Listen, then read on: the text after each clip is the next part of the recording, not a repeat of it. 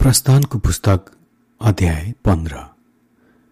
तब मोसा र इजरायलीहरूले परमप्रभुको नाउँमा यो स्तुति गाए। म परमप्रभुको स्तुति गान गाउनेछु किनकि उहाँ धेरै उचालिनु भएको छ।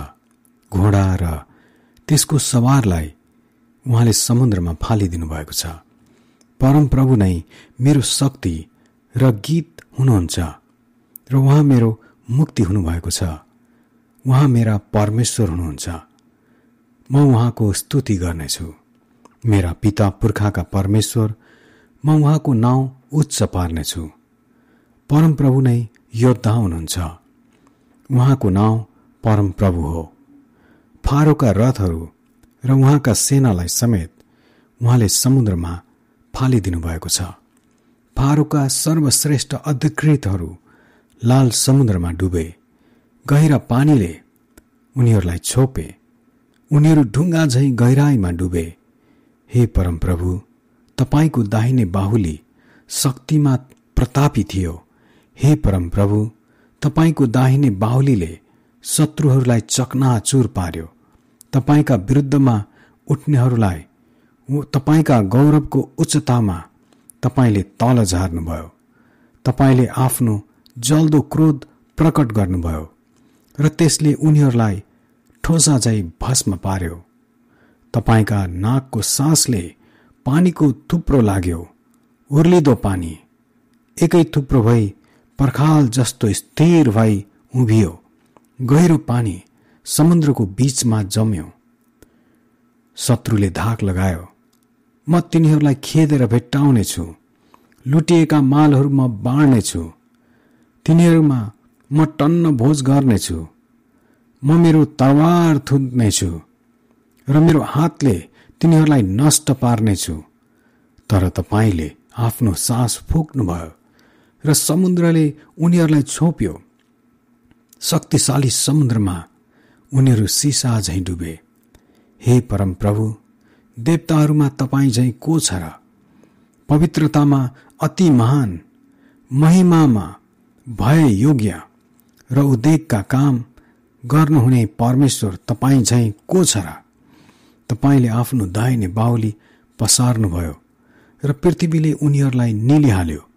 तपाईँले छुटकारा गर्नुभएका मानिसहरूलाई तपाईँले आफ्नो नचुक्ने प्रेममा डोर्याउनुहुनेछ। तपाईँले आफ्नो शक्तिद्वारै तिनीहरूलाई आफ्नो पवित्र वासस्थानमा अगुवाई गर्नुहुनेछ। जातिहरूले सुन्नेछन् र काम्नेछन् पलिस्त देशमा बास गर्नेहरूलाई पीडाले पक्रनेछ। अदोमका अधिपतिहरू भयभीत हुनेछन्। मुआबका नेताहरूलाई कम्पलै पक्रनेछ। कनानका सारा बासिन्दाहरू पग्लनेछन्। डर र त्रास उनीहरू माथि पर्नेछ। हे प्रभु तपाईँका प्रजा पार नहुन्जेल। तपाईँले किन्नुभएका प्रजा पार नहुन्जेल। तपाईँका पाखुराको शक्तिले उनीहरू पत्थर चाहिँ अचल रहनेछन्। तपाईँले तिनीहरूलाई ल्याएर तपाईँको आफ्नो उत्तराधिकारको पर्वतमा खोज्नुहुनेछ। त्यसै ठाउँमा हे परमप्रभु जो तपाईँले आफ्नो बासको निम्ति बनाउनु भयो त्यही पवित्र स्थानमा हे परमप्रभु जो तपाईँका बाहुलीहरूले स्थापना गरे परमप्रभुले सदा सर्वदै राज गर्नुहुनेछ। जब फारूका घोडाहरू र उनका रथहरू र घोडचडीहरू समुद्रमा परे तब परमप्रभुले उनीहरू माथि समुद्रको पानी फर्काएर ल्याउनुभयो तर इजरायलीहरू समुद्रको बीचबाट ओबानो जमिनमा हिँडेर गए। तब हारुनकी दिदी मरियम अगमवादिनीले हातमा खैजडी लिइन् र सबै स्त्रीहरू पनि खैजडी लिएर नाच्दै तिनका पछि पछि निस्के। मिरियम यसो भन्दै गाउन लागिन्। परम प्रभुको स्तुति गाओ। किनभने उहाँ धेरै उचालिनु भएको छ। घोडा र त्यसको सवारलाई उहाँले समुद्रमा फालिदिनु भएको छ। तब मोसाले इजरायलीहरूलाई लाल समुद्रबाट अघि डोर्याएर लगे र तिनीहरू सुरको उजाड स्थानतिर लागे। उजाड स्थानमा हिँड्दा तीन दिनसम्म तिनीहरूले पानी पाएनन्। अनि मारा भन्ने ठाउँमा आएपछि माराको पानी तिनीहरूले खान सकेनन् किनकि त्यो तितो थियो। यसैले त्यसको नाउँ मारा राग भयो। यसकारण मानिसहरू हामीले के पिउने? भनेर मोसासित गनगनाउन लागे। तब मोसाले परमप्रभुलाई पुकारा गरे अनि परमप्रभुले तिनलाई एउटा काठको टुक्रा देखाइदिनु भयो र तिनले त्यो पानीमा हाल्दा पानी मिठो भयो। त्यही नै परमप्रभुले तिनीहरूका निम्ति एक विधि र विधान बनाउनु भयो र उहाँले तिनीहरूको जाँच गर्नुभयो र उहाँले भन्नुभयो तिमीहरूले परमप्रभु आफ्ना परमेश्वरका कुरा ध्यानसित सुन्यौ।